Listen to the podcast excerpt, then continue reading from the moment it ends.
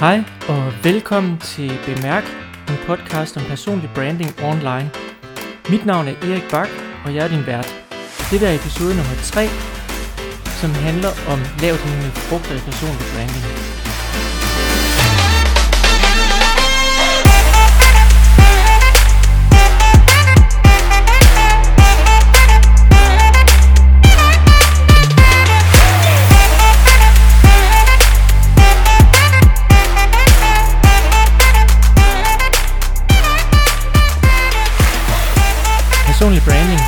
Det er jo ikke noget, man bare sådan gør én gang for alle, og så behøver man aldrig gøre det mere.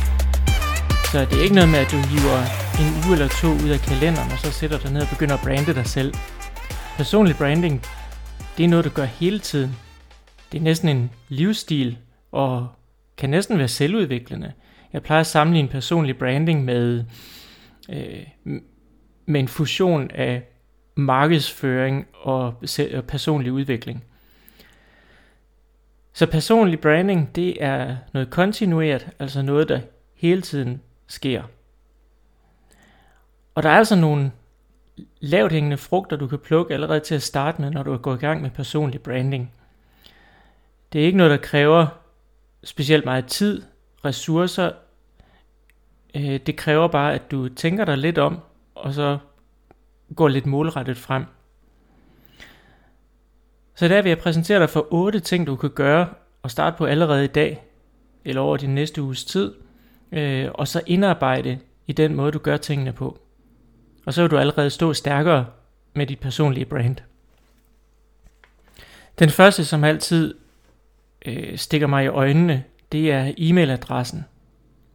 Uanset hvad du skal bruge din e-mailadresse til, så prøv at tænke over, hvordan den ser ud. En e-mailadresse er ikke bare en e-mailadresse, vi bliver faktisk bedømt på den.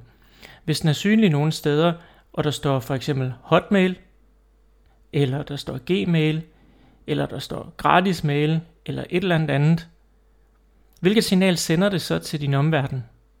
Man kan blive bedømt på alder, på uddannelse, på værdier, når man ser e-mailadressen.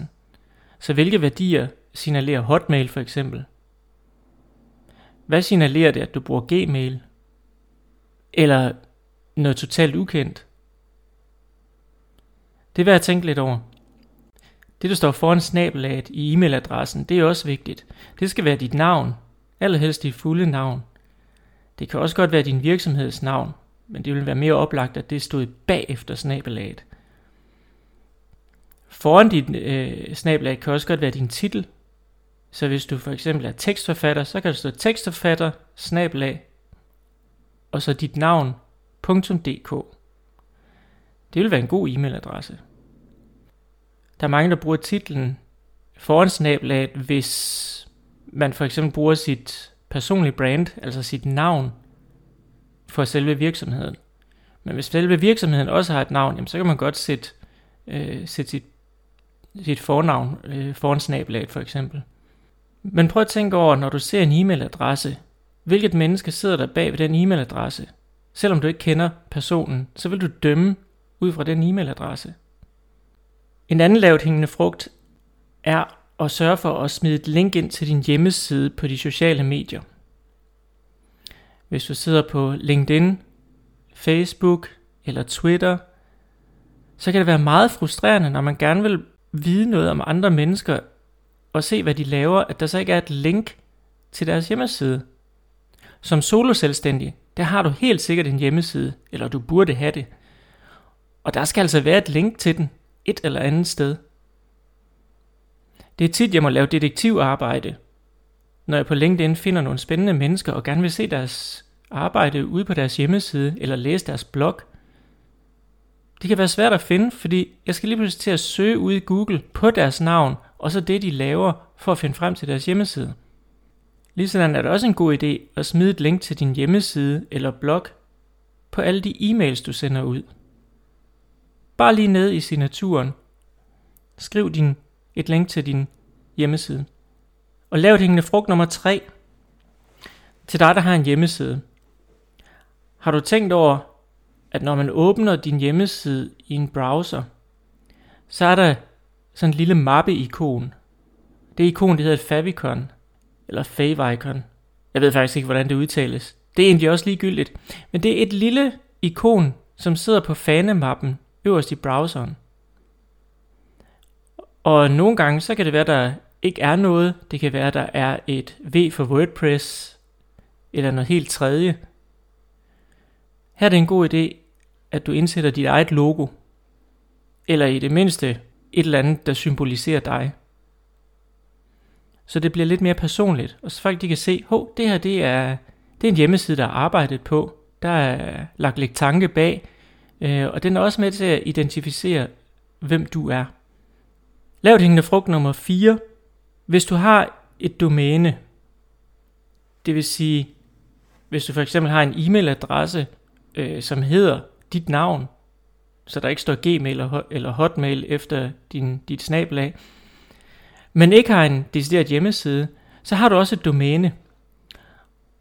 Og når detektiver som mig for eksempel lige pludselig sætter sig ned og, og taster øh, adressen ind, som står efter snablat, og så kommer en, en hjemmeside frem, eller ret sagt, der slet ikke kommer noget frem, så virker det lige pludselig sådan lidt, lidt mærkeligt.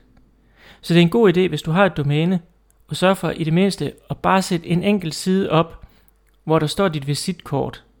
Hvem du er, et billede af dig selv, hvad du laver, og hvor man kan få fat på dig. Det kan for eksempel være links til dine sociale profiler, hvis det er der, du er mest. Og det bringer mig til lavt hængende frugter nummer 5.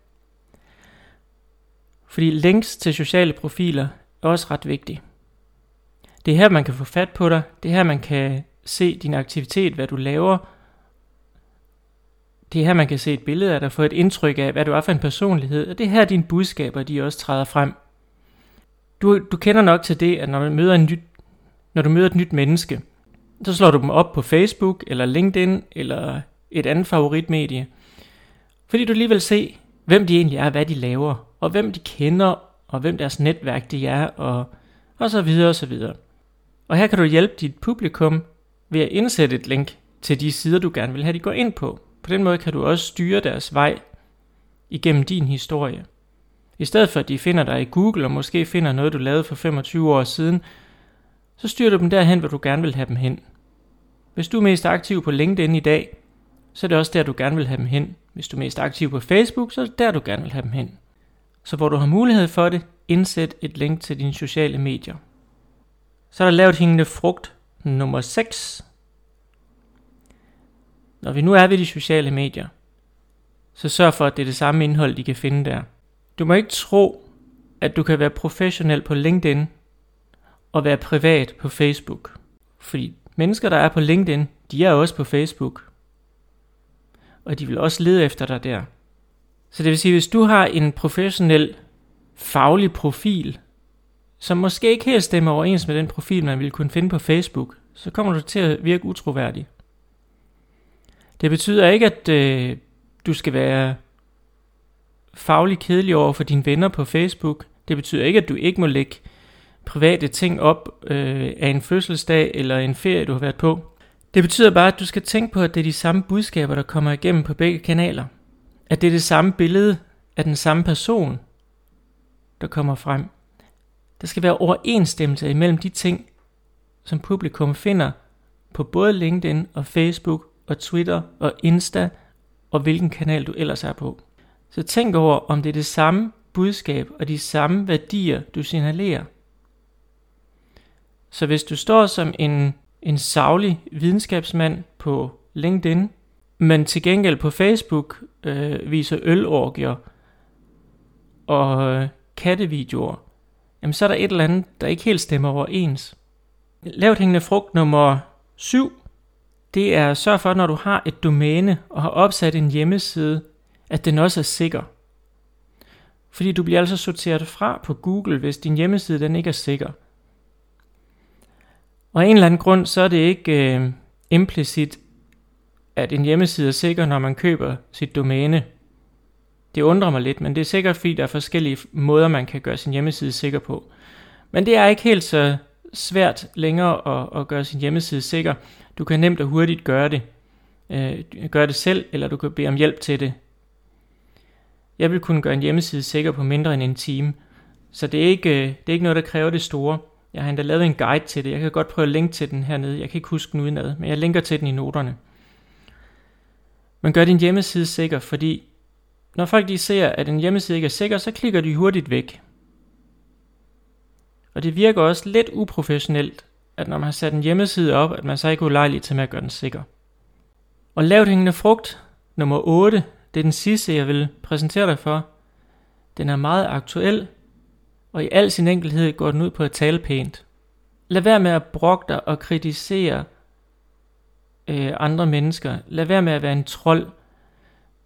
Bare vær anstændig og opfør dig pænt, når du taler til andre mennesker. Husk på, at når man sidder bag en skærm og bag nogle ord, så føles det så dejligt sikkert. Det virker som om, at det ikke er rigtige mennesker, der sidder i den anden ende og modtager ens budskaber. Man kan bare sige, hvad man har lyst til. Og man kan bande af dem og sige, at de er nogle, de er nogle store idioter. Og det der er værre. Men det kan du altså ikke, fordi det er mennesker af kød og blod, og med følelser, der sidder den anden ende og lytter til det, du siger. Og det kan godt være, at budskaberne de kommer uheldigt ud nogle gange, men så hjælp dem til at formulere det rigtigt i stedet for. Vær imødekommende og tolerant over for det, du møder. Og hvis du møder dårlig tale, og nogen, der havler dig ned, hvis du møder trollene på, på de sociale medier, jamen så ignorer dem. Lad være med at tage kampen op. Bare tal pænt. Det kommer du meget længere med. Og jeg må blankt erkende, at øh, jeg kan da godt finde på at sige bandeord. Det gør jeg sgu da.